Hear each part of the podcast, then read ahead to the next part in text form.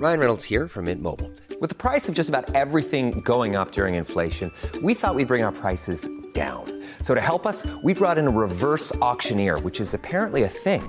Mint Mobile unlimited premium wireless. Ready to get 30, 30, bit to get 30, bit to get 20, 20, 20, bit to get 20, 20, bit to get 15, 15, 15, 15 just 15 bucks a month. So, Give it a try at mintmobile.com slash switch. $45 upfront for three months plus taxes and fees. Promo rate for new customers for limited time. Unlimited more than 40 gigabytes per month. Slows. Full terms at mintmobile.com. Ever catch yourself eating the same flavorless dinner three days in a row? Dreaming of something better? Well, HelloFresh is your guilt-free dream come true, baby. It's me, Kiki Palmer. Let's wake up those taste buds with hot, juicy pecan-crusted chicken or garlic butter shrimp scampi. Mm. Hello Fresh. Stop dreaming of all the delicious possibilities and dig in at HelloFresh.com. Let's get this dinner party started. Hiring for your small business? If you're not looking for professionals on LinkedIn, you're looking in the wrong place. That's like looking for your car keys in a fish tank. LinkedIn helps you hire professionals you can't find anywhere else, even those who aren't actively searching for a new job but might be open to the perfect role. In a given month, over 70% of LinkedIn users don't even visit other leading job sites. So start looking in the right place. With LinkedIn, you can hire professionals like a professional. Post your free job on linkedin.com slash spoken today.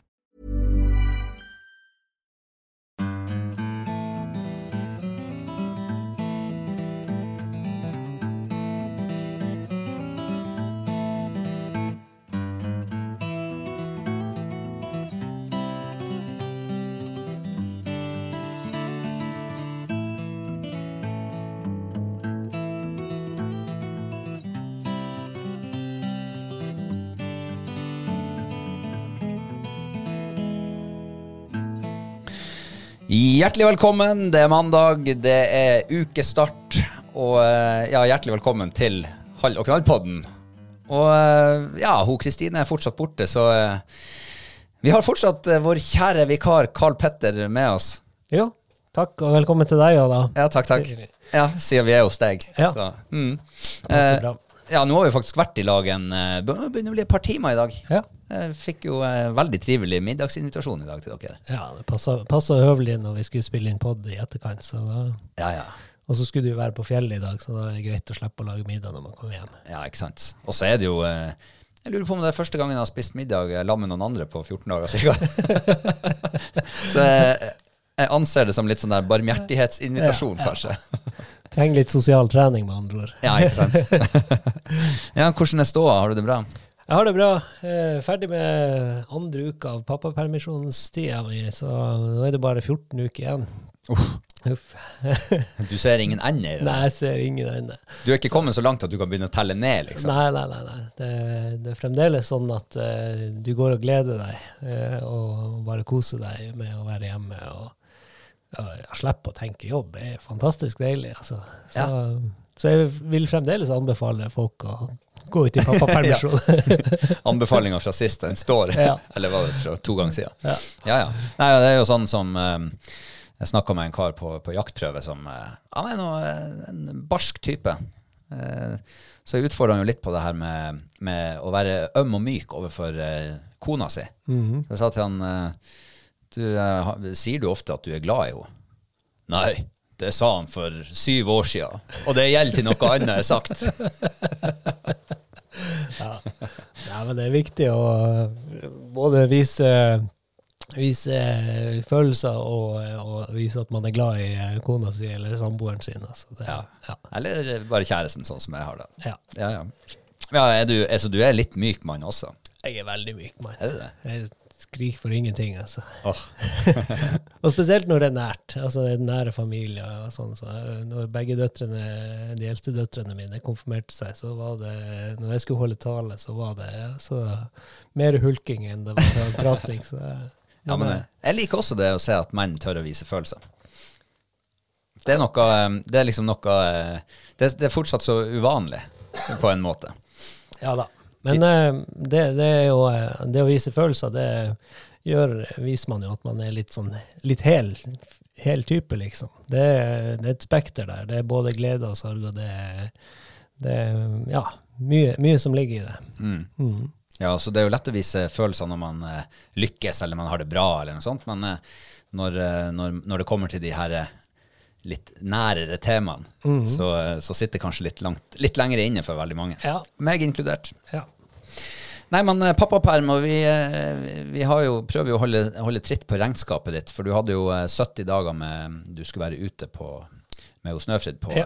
Stemmer. Hvordan eh, Har du kommet ut av tellinga, eller er kuleramma på plass? Nei, det er sånn høvelig på plass. Jeg tror jeg har ti eller elleve dager. Det er litt sånn hva man regner som utedager. Da. Eh, så, så hvis jeg er streng med meg sjøl, så er det bare ti. Eh, hvis jeg er liksom litt snill med meg sjøl, så er det elleve. Altså, i, I Forsvaret så lærte vi at er du i tvil, så er du ikke i tvil. Nei. Så da sier vi ti, da. Ja. Men det er bra si- på to uker uansett. Ja da, det er ikke så verst, det. Mm, hva- av de ti dagene er, er høydepunktet? Går det an til, Klarer du å trekke fram ett av dem som et høydepunkt? Eh, ja, altså denne uka som har gått nå, så hadde vi en kjempefin tur. Da. Det var eh, Først så skulle vi jo kjøre eh, hun Erle, som er mellomstedattera mellomste dattera mi, de skulle ha sånn skoletur, tredagerstur inn i Reisadalen. Så skulle kjøre dem opp i dalen, og så, når de, de var avlevert, så dro vi rett på jakt. Og da var det skogsfugljakt som var eh, planen, da. Og det ble en, det var fantastisk vær, fantastisk eh, forhold, og eh, Snøfrid var i strålende humør, så eh, Og etter eh, 20 minutter i meisen, så sov hun jo. Prakteksemplar. Veldig praktisk. og, eh, og så var det bare å sette på hørselvernet og eh, lade hagla og være klar, da. Og vi hadde ikke gått lenge før det var første fuglen på vingene. Den så jeg ikke, men Men Kan jeg skyte inn et spørsmål der? For jeg, har- det har jeg lurt litt på i det siste. Den der bæremeisen din. ja. Eh, når man går på tur, sant, så bruker man jo vanligvis å ha en sekk på seg, og så fyller du litt mat og litt kaffe og litt sånn oppi der. Mm. Men eh, den bæremeisen, det er vel begrensa med plass i den? Jo da, det, det er jo et eh, par rom der til å både ha litt eh, mat med seg og litt ekstra klær både til meg og hun. Og så har jeg eh, modifisert den og hatt eget vilt, der, ja, ja. viltnett på den, da, sånn at eh, det går an å, å felle fugl og ha, og ha vilt i det viltnettet. Og så har jeg jo utstyrt dem med litt sånn patronholder og litt sånne praktiske ting. da. Det her er da et uh, kjempeforretningstips til dem som driver i bransjen. Ja. Å utvikle spesiallagde jaktbæremeiser. Ja, Ja. absolutt. Det skulle jo for så vidt ha vært en sånn flat uh, skulderreim, på, i hvert fall på ene sida. Det hadde Mm. vært en fordel, men, men det funker greit sånn som den er. Da. Den er ikke sånn eh, veldig hemmende, den reima som, som er på.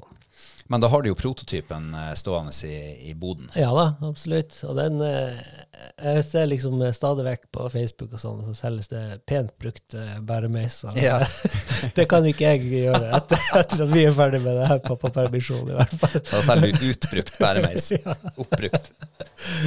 Eh, ja, nei, vi må tilbake til skogsfugljakta dere var på. Ja.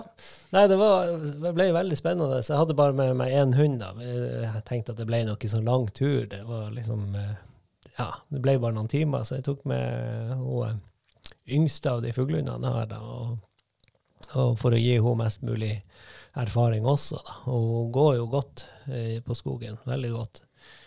Og eh, gikk ikke lange stunder, så eh, begynte å markere og nøste på fot, og eh, hører en fugl som går ut. Og det som er litt artig med henne, da, er at når det er tiur som går på vingene, så eh, varsler hun. Eh, Nei.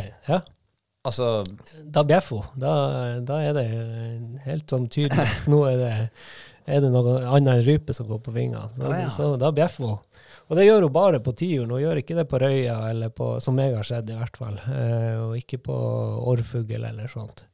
Så det er noe når det er noe ekstra stort. Så jeg hørte et par kraftige bjeff i skogen der, og så sto, jeg stilte meg jo klar da, for kanskje den kunne komme min vei. Men, men jeg så ikke den fuglen da. Eh, men hun rota lenge i det området og, og eh, markerte, så det var tydelig at det har vært noe fugl og beita der en stund da.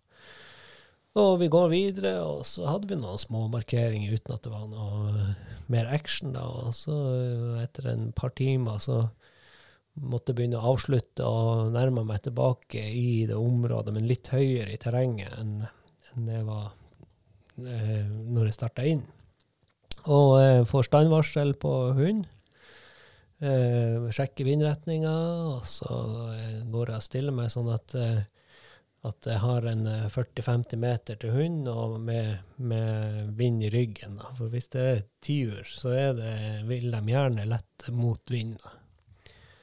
Og jeg får et lite glimt av hunden eh, innen den gjør en liten justering på stand, og så ber hun reise. Og da slår hun ut til sides ti meter først, og så ny stand. Og så eh, ny reisningsordre, og jeg ser ikke hunden da, men jeg bare eh, gir reisningsordre, og så ser jeg, eller hører jeg først en fugl som tar løs, og så kommer da fuglen rett imot meg, og jeg får skutt den på ja, 15 meter. Så det var et perfekt uh, fuglearbeid. Det der er sånn som eh, du har snakka om i, i alle år jeg har kjent deg og, og visst at du går på storfuglejakt. Det med å, å, å be hunden reise mot deg. Ja, For da må du jo A ha en hund som eh, avstandsreiser, og B posisjonere deg på en fornuftig måte. Og C kanskje ha litt flaks i tillegg. Ja, det er klart det mange ganger mange gang så flyger fuglen utenom deg også, at du ikke får den skuddsjansen. Men spesielt på skjær og vanskelig fugl, så er det eh, det å komme seg rundt og med vind i ryggen er eh, en nøkkelfaktor for å lykkes. Jeg har utallige fugler som har skutt eh, motflygende, altså som kommer rett imot. Eh, og antageligvis flere fugler som har skutt på den måten enn jeg har skutt på tradisjonelt vis med å gå opp bak hunden. Å ja. Mhm. Så um, Altså, er det her noe du har klekka ut sjøl, eller har du lest om det i Jakt og et eller annet sånt blad i, i, på 80-tallet? ja, det kan godt hende at jeg har lest om det tidligere, men det er i hvert fall eh, sånn for min egen del så har jeg liksom dyrka det mer og mer, og jeg dyrker det i forhold til de hundene jeg har også, at uh, konsekvent så også på rypa så går jeg ikke opp til hunden for å be, om, be dem reise. Jeg vil ha hunder som tør å reise på avstand og, og, og tør å, å gå på fugl. Eh, fordi at eh, det øker sjansen betydelig på, på skogen. Eh, og spesielt tidlig på høsten så er det ikke noe Da kan det jo være som å gå på rype, at du kan eh, gå opp bak hunden og sånn. Men, eh, men når du kommer lenger ut på høsten og får litt lettere fugl og sånn, så er det ofte en suksessfaktor. Så det å ha friske reisere er absolutt en, en fordel for skogsfugljakta. Og så er det faktisk Jeg hadde en, en hund eh, for mange år siden som, som var veldig treg å reise på rypa. Den var, altså, det var nesten umulig å få den til å gå frem. Men så fort det var storfugl, så reiste den uansett. Oh, ja. så så det var, det, de skilte litt på, på, på det, da. Eh, så det, det er noe med storfuglen. Jeg tror jeg ve- vekker litt mer hos eh, hundene, eh, det også. Ikke bare hos oss Ikke bare hos oss, nei. Så, Nei, men de, de hører jo det samme braket når fuglene Ja, fer ut. Og, ja. og jeg vet ikke, det lukter kanskje annerledes. Ja, det gjør det nok. ikke nei, men det ble i hvert fall en kjempesituasjon, og vi fikk felt den fuglen. Og, og Snøfrid hun satt jo og sov da i, i meisen, men når jeg tok, tok av meg meisen for å, å eh, ta litt bilder og sånn, så, så våkna hun da og fikk eh, både lukte og, og kjenne på den her røya som eh, vi da hadde skutt. Så. Ja. Mm. Er det første, første storfuglen hun er med på? ja, det er første. Så Men ikke siste. Håper ikke det.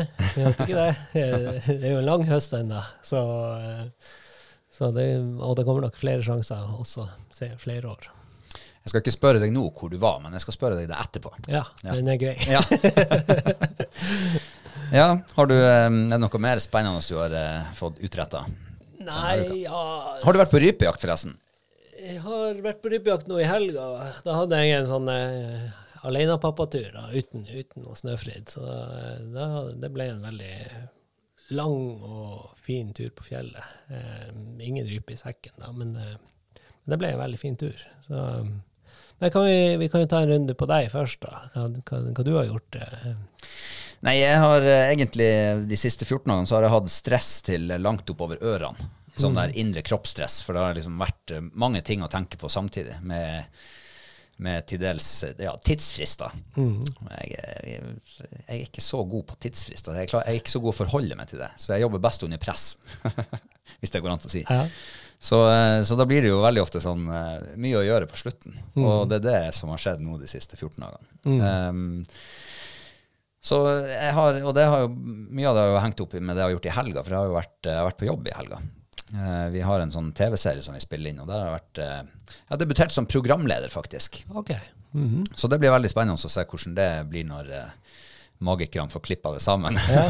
Hvordan var følelsen da i etterkant? Var det- Nei, altså følelsen ja, den er jo ganske, ganske god. Ja. Eh, men eh, som sagt, det er jo en ny, det jo en ny rolle. Mhm. eh, som, eh, hvordan man løser det, ja, om, jeg, om jeg har en god følelse, så kan det jo godt hende at publikum eh, syns det var helt ræva. Det får vi se. ja. Nei, så, så det er liksom det helga har gått i. Det har vært jobb stort sett nonstop fra, fra fredagsmorgen til i går kveld. Men eh, da var det veldig godt å komme hjem og liksom skru av nepa, for den har liksom kverna rundt hele helga, og, og man blir liksom sliten av det. Eh, så i går da jeg, eh, da jeg landa hjemme, så sendte jeg melding til kollegaen min og sa at jeg, eh, jeg avspaserer i morgen, altså i dag. For nå trenger jeg å få, eh, å få rydda litt i, Ja. i topplokket. Så jeg har vært på rehab i dag, okay. på fjellet, Ja. la med hundene. Ja. Eh, tok fri fra jobb og eh, marsja til fjells. Eh, og egentlig, jeg, jeg gikk i det samme terrenget som vi var på jaktstarten. Eh, bortsett fra den der siste lange sløyfa hvor vi ikke hadde fugl da. Eh, fine forhold. Eh, I dag var det ikke så tørt som det var forrige helg. Eh, det var liksom mye fuktigere. Eh, og vi fant litt rype. Eh, hun fight eh, Ja, altså Gamlemor. Hun, hun holder koken fortsatt. Eh, eh, det var hun som fant fuglen i dag. ja.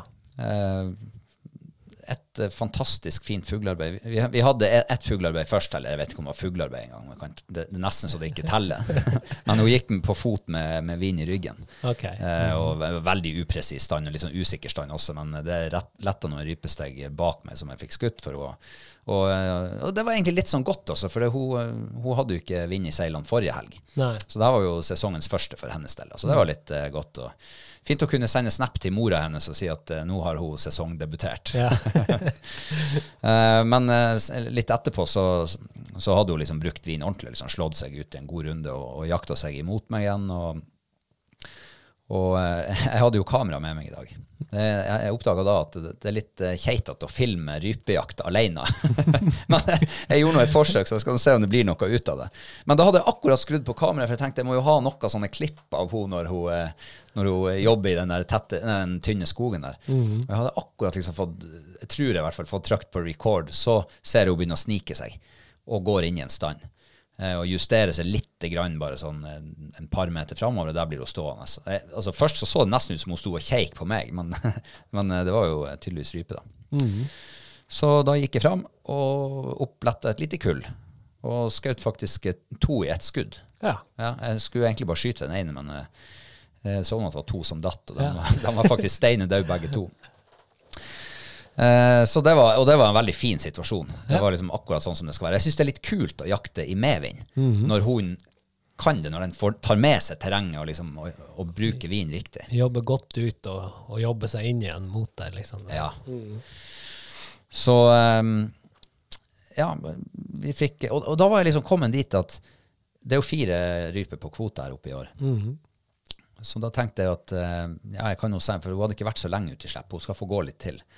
Og så slipper hun på igjen, og så ser jeg hun begynne å rote inn i en skog der. Og da, da fikk jeg liksom det her dilemmaet. Ok, skal jeg Hvis hun fester stand nå, hva gjør jeg da? Skal jeg skyte den rypa da, og liksom fylle kvota der?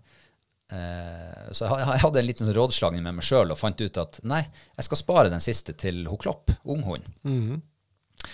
Det ble aldri noe stand ut av det, men eh, vi tok oss en god lunsj, og så begynte vi å, liksom, å snu litt på retninga. For hun Klopp er jo ung og uerfaren. Hun, er, hun takler ikke medvindssøk ennå. Så eh, vi slipper henne bare når, når hun går i motvind. Eller god sidevind, da. Eh, hun har faktisk begynt å få til sidevindsøk nå, ganske OK. Eh, men eh, etter en stund så fester hun stand, eh, 100 meter unna meg, og jeg eh, siger nedover dit. Jeg tenkte nå må jeg finne en plass og sette det kamera for å få med denne situasjonen. Og mens jeg går nærmere med situasjonen, så tenker jeg nei, drit i filming. Nå, det, nå skal det felles fugl for den hunden der. Og jeg kommer fram, og jeg ser en rype som sitter, sitter i lyngen. Og eh, den ser den er på tur og ferde, så jeg måtte liksom skynde meg fram så jeg kom på, på skuddhold. Og så lette den, og med det samme så kommer altså et helt kull, og det var jo ganske fint kull. Jeg tipper det var en syv-åtte fugler. Ja. Eh, Så jeg fikk skutt en for henne. Ja. Også sesongpremiere. Og det var bensin på bålet til henne. Det var rått å se hvor, hun- hvor gira hun ble etterpå. ja, for det var første hennes også, den her eh, Ja. Så eh, det, det der så Jeg så jo ikke hun, hun var jo over en sånn kant. Men når jeg ser hvordan hun har gått på GPS-en, så har hun slått seg ut i Hengt, hengt seg på vin, ca. 70-80 meter, og så ser det ut som hun har snappa opp noe. Og så har hun liksom jobba seg sånn framover til hun fester stand. Så hun har liksom gått beint på vin. Og antageligvis en sånn nærmere 100 meter har hun gått framover, og så fester hun stand. Eh, og der sto hun. Ja. Hun hun var sikker. Hun knallapporterte, da, men eh, jeg så mellom fingrene på det. For hun hadde litt sånn treg Hun har ikke villet apportere i sommer, når vi har trent henne på det. Nei. Hun ble helt liksom nekta plent. Ja. Virker helt sånn uinteressert. Så, så når hun sprang etter den fuglen etter at jeg hadde skutt den, så ropte jeg bare apport til henne. Jeg tenkte tar du den nå, så blir jeg sjeleglad. Ja. og hun tok den. Ja. Kom inn i den. Ja, men det er bra. Det, jeg er jo også litt sånn Jeg er jo ikke sånn der ivrig prøvemann, men jeg stiller nå litt eh, av og til, og, og sånn, men, sånn at eh, når jeg er på jakt, så sier jeg ingenting annet enn eh, ja og apport til hundene mine. Så det, Blir det sånn ja, apport! så, og det er eh, Som regel så klarer jeg jo å hente det inn igjen når eh, prøvesesongen starter, og de er ganske lettdressert. Jeg, jeg har jo funnet ut det at det er mye verre hvis jeg driver og roper 'sitt' og 'sitt' og 'sitt', og så, og så setter de seg ikke. Da misbruker jeg jo liksom eh, den sittkommandoen, men når jeg eh, ikke forventer at de skal sitte, og ikke eh, sier noe til dem, så har jeg ikke misbrukt den kommandoen heller på, på noen måte. Må jo selvfølgelig, De får, har jo litt bremsespor i starten på prøvesesongen, men eh, som regel så, så klarer jeg å hente det inn i løpet av en par-tre treningsturer. Ja, ja, men det er jo interessant, det. For jeg har jo liksom mer Jeg er mer den her Altså, som sagt, jeg har jo bakgrunn fra Forsvaret, og der var det liksom 'train as you fight'. Så, så fighten for min del er jo jaktprøven, da. Ja. Eh, Så jeg, jeg prøver jo å, å ikke la dem springe fram. Men mm. det har ikke vært så veldig mye fuglesituasjoner de siste årene, så jeg er jo helt ute av det. Ja. Så jeg glemmer jo å rope sitt. Og jeg tror faktisk hun Klopp hun er veldig sånn, hun er lydhør når hun er ute i søk, og når hun er oppe i et eller annet. Så hvis hun begynner å slå seg bakover, eksempel, så er det bare nok med et par små plystre, og så, og så snur hun tvert. Så det er ikke sånn at hun, hun er ikke kommet dit at hun overser deg enda. Men det er, jo, det er jo litt sånn eh, fordi at jeg ønsker den her djervheten i reisen og sånn der, så, så er det jo ofte sånn at, eh, at hvis jeg blir for streng på det, eh, det med roen, så Ja. eh, går det litt utover den reisen. Og der, og der, det, så det er et bevisst valg jeg har gjort i, i forhold til mine hunder. Altså hvordan jeg ønsker dem på jakt, og hvordan jeg ønsker å, å bruke dem. da. Eh, så Selvfølgelig så eh, Ja, det, det er jo ryker jo noen situasjoner fordi at eh, hundene kommer i veien, eller sånt, fordi at de starter noen meter etter. Men mm. jo, ingen av dem er jo sånn hemningsløse. Det, det er noe sånn 20-30 meter etter. Og hvis man ikke skyter i en situasjon, så går de ikke etter nødvendigvis i det hele tatt. Det er liksom, ah, ja. Akkurat. Så det er litt sånn eh, det, det meste der at eh, når det er skutt, så er det en forventning om at det skal være en premie litt lenger frem. Å, der. er det, det er hashtag snikskryt her. Hundene er blitt for godt vant med, med, med en god skytter. Nei, jeg vet ikke det akkurat. Men, eh, men, eh, men det, det i hvert fall eh, Jeg tror skuddet trigger dem til å, å liksom undersøke hva, hva, ligger, hva ligger i andre enden. da. Ja, men og, og det, det du sier med, med at du for alt i verden ikke vil miste den der djerve reisen. Klart Hadde, hadde hunden vært litt mer reservert, eller litt forsiktig, så kunne du kanskje ikke ha jakta storfugl på den måten, med å, å gå rundt og, Nei. og ja. Nei, det, det er jo nettopp det. Og, og, ikke sant? Det er jo, som jeg eh, sa i den første episoden, at det, det er liksom storfugljakta som er, er min store jakt. Og, og, og det å ha de egenskapene på hundene som man ønsker, med den djervheten, med den, det at de tør å følge på løpende fugl og, og sånt, det, det er utrolig viktig. Og så får den å ryke en og annen sjanse, med, enten fordi at hunden kommer i veien, eller, eller at man eh, eh, ja, eh, eller at de støkker fugl fordi at de er for tøffe i måten de følger på og sånt. Så, Men man kan vel kanskje Altså man kan jo også plassere seg litt annerledes når man vet at hunden av og til går litt etter. ja, Så i stedet for å stå kanskje rett bak hunden, så går man opp kanskje mye lenger på sida enn det Ja. man vanligvis ville ha gjort. Og det gjør jeg også på rypejakta. at Det, det går jo aldri opp bak hunden. Jeg går, eller ikke, aldri, men som regel så går jeg på en av sidene.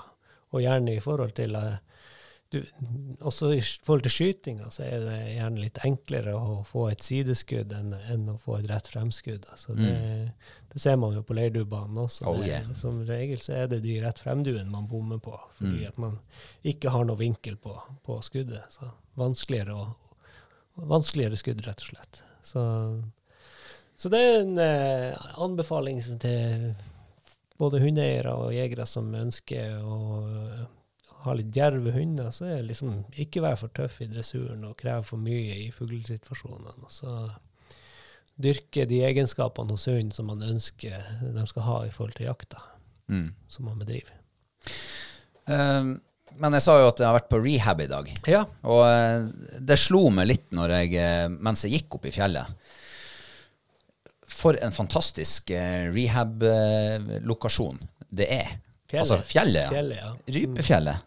Eller for så vidt eh, Røyefjellet også, for min del. Men altså, å gå i fjellet eh, altså, og, og I dag så var det helt bevisst bevisst valg fra min del. For min, eh, for min del. av, Jeg måtte ha fri i dag. Jeg var nødt. Og jeg måtte opp i fjellet. Og det var så godt. Jeg, jeg kjente jo fortsatt når jeg, eh, når jeg kjørte oppover, at de her eh, de her tankene kverna i hodet, det som jeg har gått og kverna på i 14 dager, de, de slipper ikke taket bare over natta. Eh, men eh, det, jeg var ikke så langt oppe i fjellet før jeg eh, liksom merka at Hæ? Hva som skjer nå? Her er noe, nå tenker jeg ikke på det mer. Nå går det mer å følge med hundene og filme litt og, og ja, egentlig bare ser på verden. For det var, det var litt sånn skiftende vær i dag òg. Litt tåkeskyer når vi begynte å gå, og så letna det litt, og plutselig stakk sola litt fram på andre sida av dalen, og så var, Altså, alt forandra seg. Lyset forandra seg hele tida. Det var liksom så mye å oppleve, på en måte. Selv om jeg har vært der akkurat på samme plass som så hvor mange før. altså. Ja, men det er jo noe med de fargene ikke sant, på høsten, og det at, du, oh, ja. det, det at du er på jakt, det at du liksom har hunder med deg og, og følger med dem, og sånn, du, du får tømt eh, Tankene dine er jo bare er jo der og da. og det er jo, Vi har jo snakka om det flere ganger, at det å være til stede i de øyeblikkene og bare la inntrykkene eh, synke inn, er en utrolig viktig del av jakta. Eh, og jeg hadde jo på samme måte i går når jeg var ute på, uten noe snøfri. Det har vært kjempeartig å ha henne med, og det er utrolig fine turer. Men de blir jo mye kortere enn en jeg jeg har når jeg drar alene. Så hadde jeg også sånn, selv om det var duskregn og ganske vått i marka når jeg var ute i går, og jeg så brukbart med fugl og hadde ganske mange stander, men men det var veldig lett fugl, så jeg fikk ikke skutt og ikke hadde en skuddsjanse i det hele tatt. Da. Så, så, eh, så, så hadde jeg en utrolig flott tur, og det liksom Jeg var bare meg sjøl og bikkjen, og, og bare tømte hodet for eh, for alt som bleie, omhandler bleieskifte og, og leggetid. Og, og de koselige tingene man holder på med i hverdagen, rett og slett. Mm. Men eh, jeg hadde jo en tur på jeg vet ikke om det var fem, fem timer eller noe sånt i dag. Og da var mitt haug tømt. Men uh, du nevnte vel tidligere, før vi begynte å spille inn, at du var, hvor mange timer var du? Ti timer? Ja, nei, det var nesten eh, nesten tolv timer fra jeg starta hjemmefra til Ja, du må jo virkelig ha hatt problemer. Nei, men jeg er glad i lange turer. Jeg er glad i å være lenge på tur. Uh, og, um, jeg har, ikke noe, har ikke noen store problemer. Som jeg sier, så er det deilig å være hjemme i pappapermisjon. Men, men det er jo noe med å ja, bruke den muligheten man har, tenker jeg. Eh, Koble litt av. Koble litt av. Ja, Uansett hva man kobler av fra, egentlig. ja, ja. ja. Mm. Og det blir jo, det er jo sikkert eh, er det lenge siden jeg har vært hjemme med en syv måneder gammel baby, men eh, jeg vil jo huske at det var ganske krevende. Altså, det, det er ikke walk in the park døgnet rundt nødvendigvis. Nei da, hun er, jo, eh, hun er jo en veldig snill og grei unge. Stort sett et smil fra morgen til kveld, og eneste sult, sulten og trøtt er det vi liksom merker, merker det på. Eh, men hun er jo tidlig oppe om morgenen, ikke sant. Eh, legger seg jo i åttetida og oppe klokka halv sju. Så, og I morges var hun oppe klokka seks. Det, det, det er klart det merkes jo at man må, må litt tidligere opp om morgenen.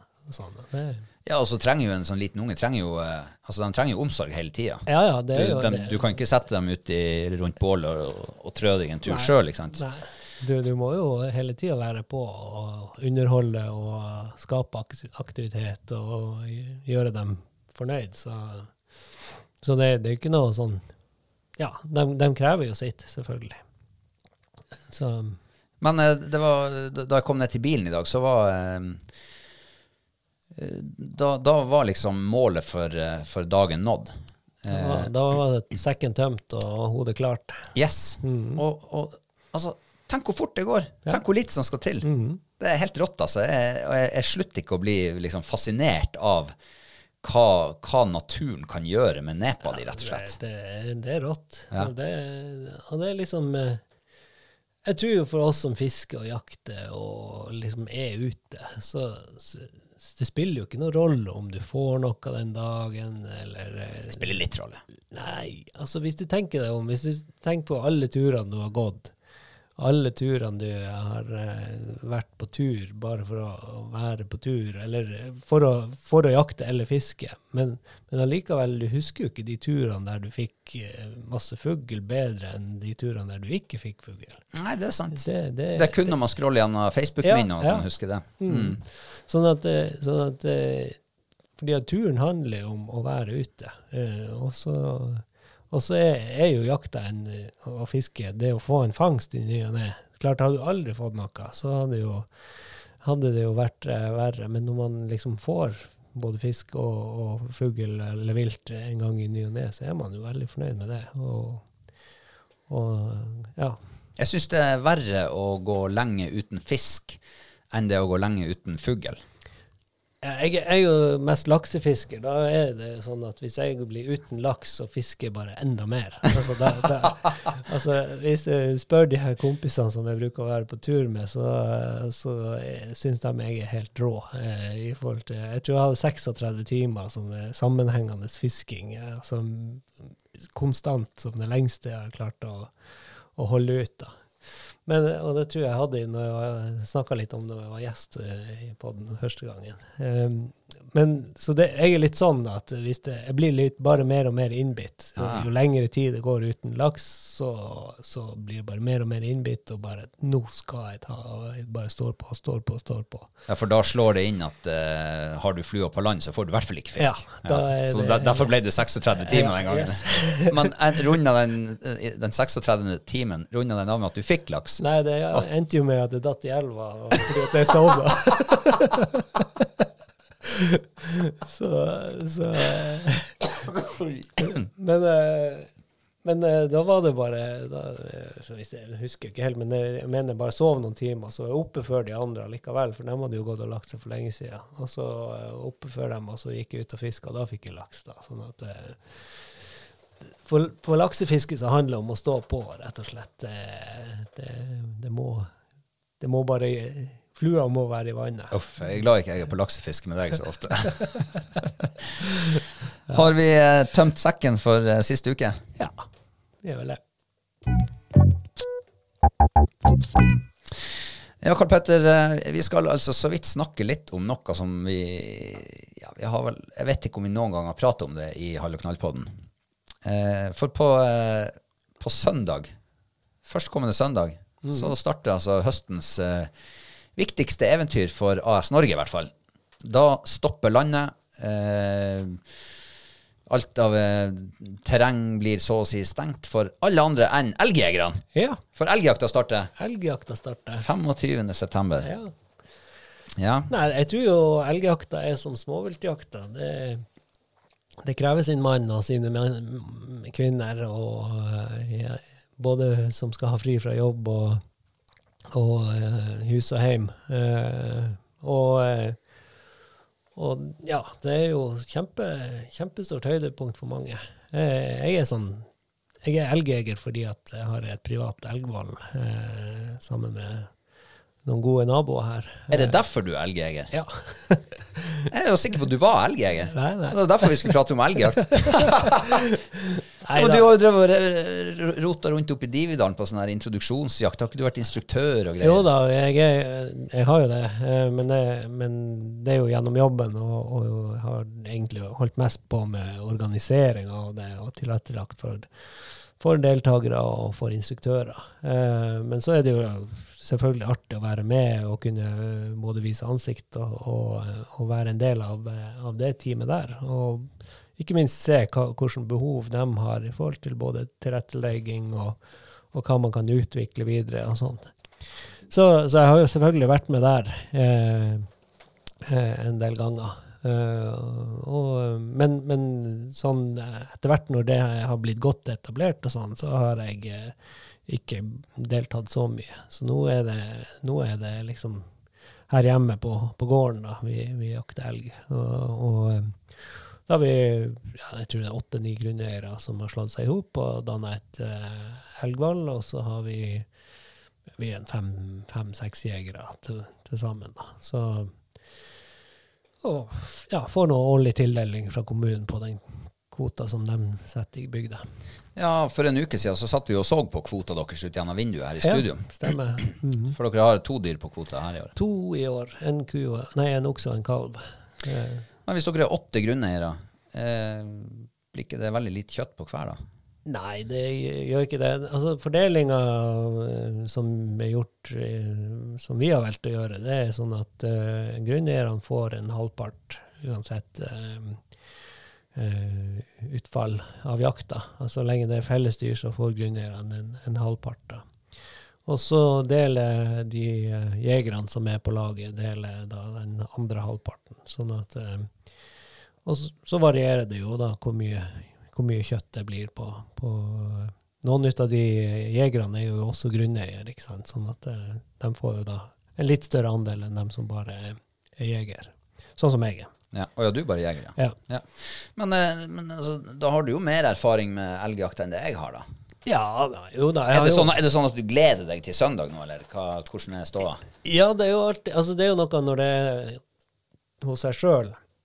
Eh, nå har det jo vært eh, mange turer her allerede i høst og sondert terreng. Jeg har vært, eh, forrige mandag var jeg med og Snøfrid og så litt på, på de postene som vi har eh, bruker, eh, og hvordan det så ut der, om det var noe trær som måtte hogges eller, eh, eller sånt. Men det så veldig fint ut. Eh, og så har jeg jo gått en del i marka her og observert både dyr og, og eh, sett at det har vært ser ut som det har vært bra produksjon. Det, vi har uh, i hvert fall to kyr med tvillingkalv og kanskje ei med singelkalv.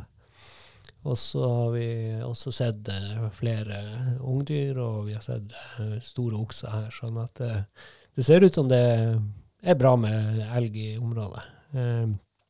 Så sånn sett er det jo spennende. Og det, og det er jo noe Det som fascinerer meg mest med elgjakta, det er jo kanskje akkurat den der eh, Der elgen kommer tett på deg, og du må vurdere om du har skuddsjanse eller ikke. Altså, det er akkurat det øyeblikket der, da kjenner jeg jo det i kroppen at nå er jeg virkelig indianer, og nå, eh, nå, nå er det spennende. Eh, Hvordan jakter dere elg? Har dere hund, eller er det drivjakt, eller er det postering? Altså, hvordan gjør dere det? Ja, vi har ikke hund per i dag, sånn som vi har brukt i, i, på jaktlaget. Uh, nå har vi jo et nabovall her som har flere hunder, så ofte ender det jo at de driver elg inn på våre valler. Så vi uh, har noe eh, Men, men sjøl så jakter vi ikke med, med hund. Vi har, vi har holdt på med drivjakt, stort sett, og snikjakt. Så er det er det litt sånn, Når vi kommer litt ut i sesongen, og hvis vi mangler et dyr, så, så blir det sånn at vi har muligheten til å drive og lokke litt. Og, sånn, og det er jo litt spennende når du setter deg på en, eh, en eh, god plass og kan lokke og se om det kommer både ungdyr eller om det kommer en okse. Så, så det er spennende del av jakta. Altså, Lokkejakt generelt er jo en ufattelig spennende måte å jakte på, enten det er elg, eller om det er ender, eller om det er rev, eller hva det måtte være. For, Absolutt. For det, da, da føler man liksom at uh, nå har jeg faktisk lyktes, når du får dyr inn Ja. mot der du sitter. Nå har jeg prøvd meg litt på sånn elglokking og sånn, men jeg har ikke klart det. Jeg har klart det mm, i Sverige og skogsfugljakt, så klarte jeg å lokke en okse inn på fra 300 meter til uh, 20 meter. Men uh, her, her hjemme har jeg ikke klart å lokke inn noe dyr ennå. Men, ja, men som de sier, det, det er veldig spennende med lokkejakt. Eh, Det gjør jeg ofte på, på skogsfuglen, eh, årfuglen, på, på høsten. Ja. Uh, Morgenslokking, hvis du vet av et område der det er litt sånn orrfugltrekk og sånn, så eh, jeg vet mange bruker bulvaner sånn og setter i trærne og så, og så lokker. Men eh, jeg, jeg har ikke brukt bulvaner, jeg har bare funnet meg et eh, bra beitetre, og så har jeg sittet der og lokka, og det har jeg lyktes med flere ganger. Ja, hva, hvordan lokker du? Hva, hva du lokker med? Har du noe instrument, eller bruker du bare munn? Bruker munnen, ja. Og, så, og hendene. Så jeg lager korrelyden med, med, med hendene, og så Eller buldrelyden. altså den sjoinga med, med bare munn. munn da. Mm. Og, men har du, har du skutt storfugl på lokk? Ja, orrfugl. ja. Ja. ja. ja. Det har jeg gjort flere ganger. Det høres litt spennende ut. Det er veldig gøy. Det er det. Det tror jeg jeg hadde kunnet sette meg ned og gjøre hvis jeg hadde litt for mange dager i Sverige. er en, dag, en dag når hundene trenger hvile, Ja, kanskje. det, det er jo sånne dager vi Ja, har gjort sånt. Ja. Eh, og så er det jo gjerne sånn hvis det er litt sånn lavt skydekke, gjerne litt tåke, eh, litt, eh, litt yr i lufta, så er sjansen bedre og større for å lykkes. Er det barfrost og kaldt og sånn, så er de veldig kjappe ut på stormyren og begynner å spille der istedenfor, og da er det straks vanskeligere å lokke dem inn på, de her eh, tørrabbene og sånn. Eh, men tilbake til elgjakt. Ja. Jeg eh, har jo vært en gang på elgjakt. Ja.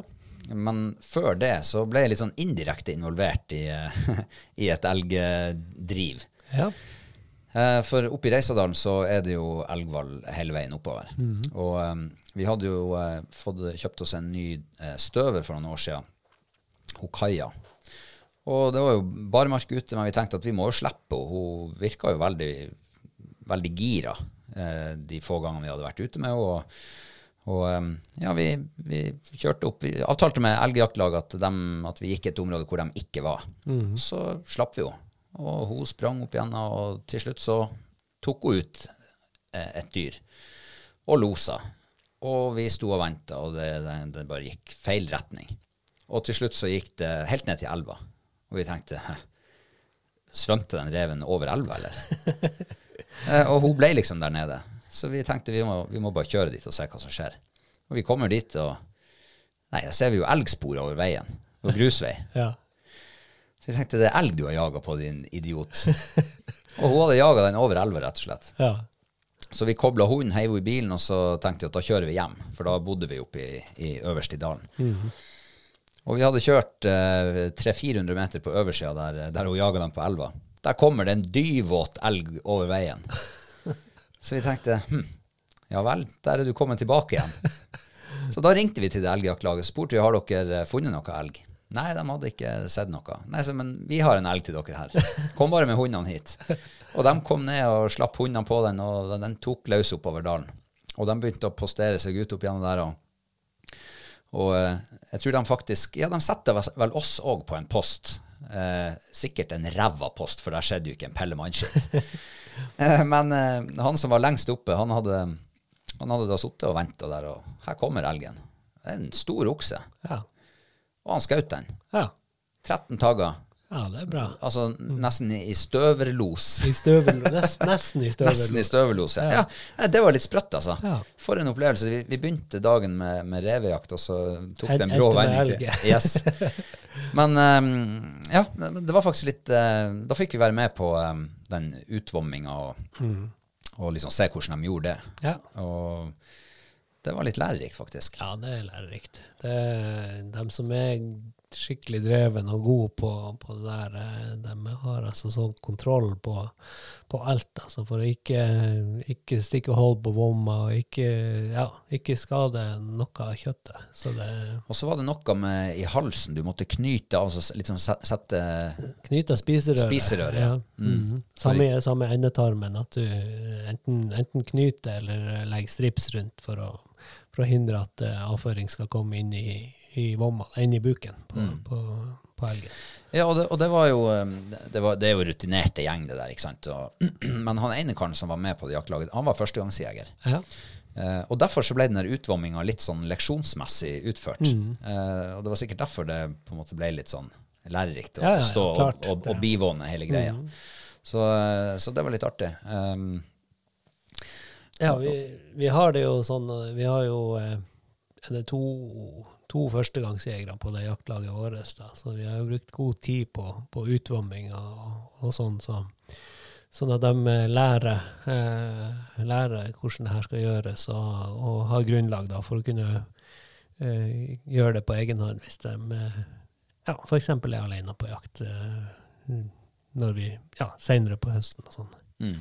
Så um, nei, det er utrolig viktig, det er en bit av jakta. Og, og det, altså det, det et kvalitetsprodukt du har skutt. Eh, og for å beholde den kvaliteten, så må man gjøre en, eh, en god jobb rundt utvomming og, og flåinga og, og mørningsprosessen også. Og ikke minst når man da skal partere helgen etterpå.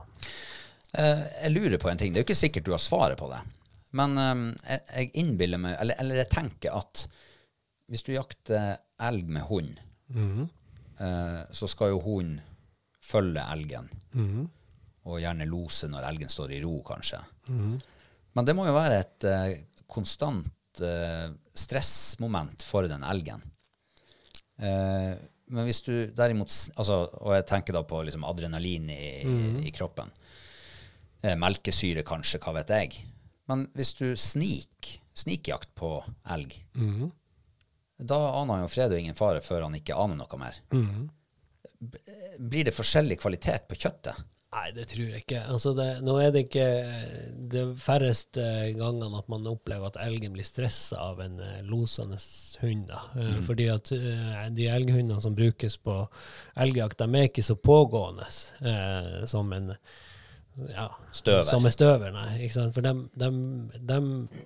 loser jo eh, for å få elgen til å stå i ro. Og når elgen står, det er da de egentlig begynner å lose. og, og så går de på en måte rundt elgen for å holde den, holde den der, prøve å holde den der. Gjete den, liksom? Ja, på en måte. Eh, og, så, og, så, eh, og, og hvis du ser eh, på Hvis du studerer en elg som eh, har en eh, elghund lamme seg, så eh, går han og beiter og er veldig avslappa til det der. Eh, og så blir han lei av og til, og da stikker de som regel ut av av gårde, da. Så følger jo den her hunden på og prøver å stoppe den på nytt igjen. Men, men eh, de fleste elghundene de slipper jo etter eh, en, ja, noen kilometer eller opp, eh, opp i en mil, så slipper de jo elgen, for da klarer de ikke å, å ja, finne ut at de ikke klarer å holde den, rett og slett. Jeg har en god kompis i Sverige som jakter mye elg, og, og de holder òg på med, med, med løshundjakta. Og han eh, sier at de har store problemer med å få elgen til å stå for hund nå. Uh, Snakka med han nå i denne uka. Eh, og grunnen var at eh, det er så mye bjørn i området. Å ja. Så elgen føler presset fra bjørn? Ja, det er vel mer det at, at, den, at den rett og slett av bjørn eh, At det var så mye bjørn der at, eh, at den er urolig av bjørn. Den store tettheten av bjørn. Nei, for, grunnen til at jeg nevnte det i sted, er jo at um, for noen år siden så var det en uh, fyr som kjørte på en elg i Lyngen, der vi, rett på øversida der vi bodde. Eh, og den uh, elgen uh, fikk da knekt framfoten, eh, og det ble iverksatt ettersøk etter den. Um, og um, den, den ble avliva. Jeg tror nok det gikk eh, Jeg vet ikke hvor mange timer det gikk, men noen timer gikk det. Um, og så ble den da flådd etterpå, og jeg, jeg tror mesteparten av den ble, ble revet, rett og slett. Men vi fikk en bitte kjøtt derifra. Eh, det mulig det var et lår vi fikk, kanskje. Eh, og det hengte vi eh, og, altså, Først ble det hengt over natta i garasjen hos han ene karen. Og så ble det skåret opp, og så ble det jo eh, hengt videre da eh, hjemme hos oss. Men eh, det var så helt uspiselig, det kjøttet. Ja, ja. Det var seigt, og det var tørt, og det var Ja, det var ikke den der Altså, det var ikke godt. Og vi prøvde masse forskjellige stykker for å se om det var liksom Var det feil stykke vi hadde eh, tatt, eller Nei. Alt var helt elendig. Og da tenkte jeg, den har jo da gått med brekt fot. Den må nå i hvert fall ha adrenalin i kroppen. Klart den har adrenalin i kroppen, og det er en helt annen eh, sak å bli påkjørt eh, av en bil enn, Ja, enn å bli fulgt av en hund. Men så er det jo litt sånn på hva, hvilken årstid var det her på. Ja, det var jo veldig, veldig seint på høsten. Det var kommet snø, det, og det var kaldt ute. Ja.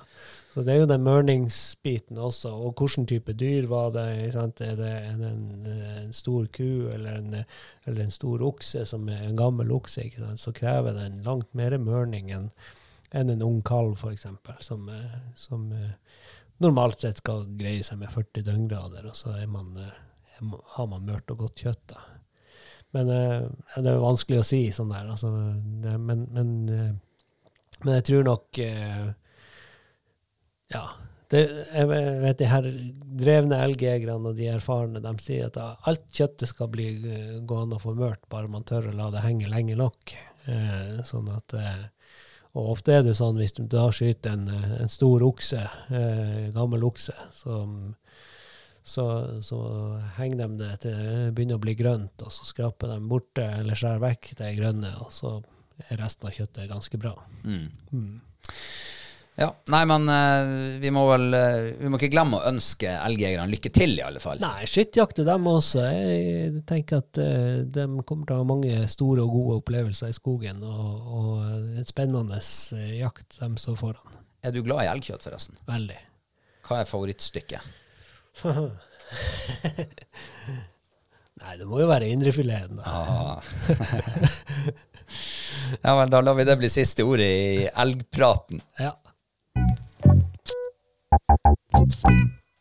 Og det tar oss jo fint over på eh, neste post på programmet, som er ukas mathøydepunkt. ja. Eh, ja, hvordan har det vært med matstell den siste uka? Har det vært noen gourmetopplevelser? Det, var, eh, det har vært flere gode matopplevelser, men sånn ordentlig gourmet, det har jeg ikke. Vi har ikke hatt liksom en sånn gourmetuke, det har vi ikke.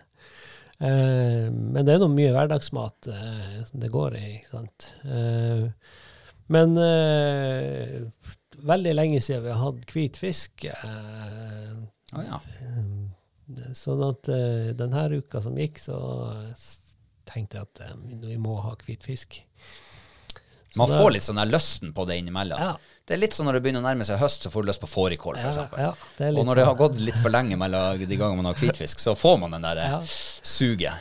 Og da tenkte jeg, ja, og Agnete hun liker jo ikke torsk, da, men boknafisk som også er torsk, eh, tror hun fremdeles bare er boknafisk. Sånn at eh, Det liker hun. det liker hun. Du må aldri avsløre den arten der. Nei, nei. så, det- så det ble eh, boknafisk. Eh, og da eh, lagde Den trakk jeg jo bare i, i vann, da, men så lagde jeg eh, kantarellbacon ved siden av. Det var helt fersk, nyplukka kantarell, og så bacon som vi surra i panna. Er det egenprodusert bacon? Nei, det her var Er du fri for det nå? Jeg er fri for det. Jeg må vente til ribba kommer på tilbud. Mm. Og så var det eh, sånne glaserte eh, rotgrønnsaker. Da var det sellerirot, gulrot og um, purrerot, tror jeg faktisk det var. Eh, ja. Eh, og og de bare wokker jeg i panna med salt og pepper og litt olje. Og så har jeg litt grann eh, sirup i, helt på slutten. Ah, litt sødme. Ja, litt sødme, ja. Og så var det kokte nypoteter, mandel til. Ah. Og så var det urtesmør. Det var smør med Smør med finhakka grønnkål. Oi. Mm. Urter og urter, men eh, Ja, kål. Kålsmør. Kålsmør. du, jeg syns du sa du ikke hadde noe gourmet. Det hørtes jo veldig gourmet Du har ikke gjort det her på en halvtime? Nei da, det tok litt lengre tid, men det var, det var eh, kjempe, kjempegodt. Og, og masse forskjellige smaker til den der buknafisken. Så, Terningkast? Akkurat der og da så var det en, eh, en femmer. Fordi, Oi, oi, oi, fordi at jeg var så sugen på hvit fisk. Ja, ikke sant? Man et med både øya og hodet og, Ja. og munnen og alt. Man et med hele kroppen. og så Det verste var jo at jeg så at det var den siste pakken jeg hadde i fryseren. Jeg har jo ikke vært på sjøen i sommer. Å oh, ja, for det er egenbukten av det der. ja. Ah, ja. Så jeg må nok komme meg ut nå i løpet av høsten. Da. ja, du sa jo at du skulle invitere med meg på Ja, så vi så må vi bare si ifra. Ja, det må nesten begynne å bli med i nærmeste framtid, for nå begynner det å bli skjømt så tidlig på Det gjør det. Ja, nei, men uh, lettsalt og torsk Nei, unnskyld, buknafisk, ja. Det er jo godt. Ja. Ja. Uh, ja, jeg har uh, Siden jobben betalte i helga, så bestilte vi tapas til denne produksjonen. Eh, og tapas er lenge siden jeg har spist. Og det som er så fint med tapas, det er jo at du får så mye av Altså så masse forskjellige smaker. Eh, blant annet så hadde de laga noe sånne her eh, dad, dadler. Er det dadler, ja. Med bacon rundt som var stekt i panna. Og det er altså ikke ofte jeg spiser det. Men du verden hvor godt det var. Så Jeg, jeg bruker å plukke vekk dadlene og så spise baconet. jeg er ikke, jeg er ikke så glad i det dadlene, men det, det blir så, så klissøtt, liksom. Ja, men det er derfor baconet skal være, gjøre det litt salt. Søtt, søtt og salt det skal jo være bra. Ja da, det er bra, men det, det, Nei, men, men det, det som er fint med, med konseptet tapas, det er jo at uh, de fleste finner noe som Det, er litt sånn Twist-posen. Ja. Du finner dine favoritter. Altså, du, kan- du kan smake det igjen av alt. Altså. Ja, så det, var- det syns jeg var ukas mathøydepunkt for min del. Det er jo dyrt med tapas når man kjøper det, men uh, når noen andre betaler, så er det da, det er ikke så nøye. Nei, det er ikke da så smaker det ekstra godt. vet. Yes. Eh, Karl Petter, da er vi eh, faktisk kommet til veis ende etter min kjøreplan, i alle fall. Ja. Ja, har du noe som du eh, har brent inne med, som du ikke har sagt til meg? Nei, jeg var jo veldig spent på han, eh, han eh, vi gjetta på sist. da. Ja, ja, ja, han eh, Mareno. Mareno Fjell... Mareno, ja. Uh, han har vi Ja, Mareno Fjellet, ja. Fjellet, var det. Han har vi faktisk ikke hørt noe fra. Nei. Så uh, det er vel mulig at han har kanskje vært på en lang rypejakttur eller et eller annet sånt. Kanskje han ikke har vært uh, innenfor dekning. Kanskje han ikke har hørt Kanskje han er offshore. Kanskje han er offshore, ja. Men der har de jo gjerne dekning. Det kan være at han hadde travelt på jobb. ja da, det Ja. det. Nei, men eh, du, får, eh, du må gjerne gi lyd, Mareno, så vi får eh, avgjort den. Om det blir noe poeng på oss. Ja, ja. det er ikke noen nye patrioner å gjette på denne gangen. Nei. Men hvis du vil bli patrion og like liker å høre på oss som skravler hold i hodet på deg, så, så er det bare å, å bli patrion. Ja. Da støtte produksjonen av det her programmet her. ja. Det hadde vi satt veldig pris på. Nei, men eh, Karl Petter, kanskje det blir en alders liten fisketur på oss i løpet av den neste uka? Satser på På sjøen. Få fylt litt hvitfisk i boksen inn igjen. Det hadde jo vært Det hadde vært veldig kjekt. Ja. Eh, har du noen store planer denne uka, forresten? Nei. Det er pappapermuke tre. Åh, ja. Jeg gleder meg til å høre hvordan det går, og Ja. hvor langt du har adda opp utedager. Ja. Og til deg som har hørt på, takk for at du har gjort akkurat det. Og så er vi tilbake neste uke. Og da er det antageligvis siste gangen din, Karl Petter. Ja. Vi får se. får Kanskje se. vi må ha deg som stand-in innimellom. Det hadde vært eh, artig. Ja. Takk for oss, Takk for og ha det godt. Ha det.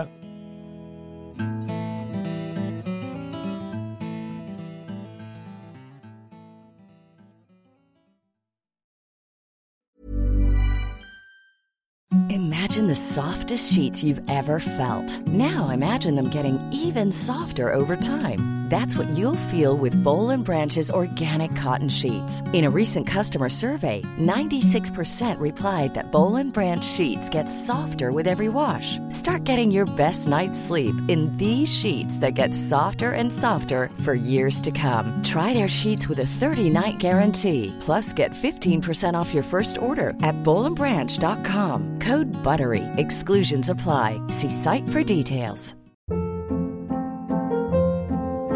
Hold up. What was that? Boring. No flavor. That was as bad as those leftovers you ate all week. Kiki Palmer here, and it's time to say hello to something fresh and guilt-free. Hello Fresh. Jazz up dinner with pecan-crusted chicken or garlic butter shrimp scampi. Now that's music to my mouth. Hello Fresh. Let's get this dinner party started. Discover all the delicious possibilities at hellofresh.com. Imagine the softest sheets you've ever felt. Now imagine them getting even softer over time. That's what you'll feel with Bowl and Branch's organic cotton sheets. In a recent customer survey, 96% replied that Bowl and Branch sheets get softer with every wash. Start getting your best night's sleep in these sheets that get softer and softer for years to come. Try their sheets with a 30-night guarantee. Plus, get 15% off your first order at bowlandbranch.com. Code BUTTERY. Exclusions apply. See site for details.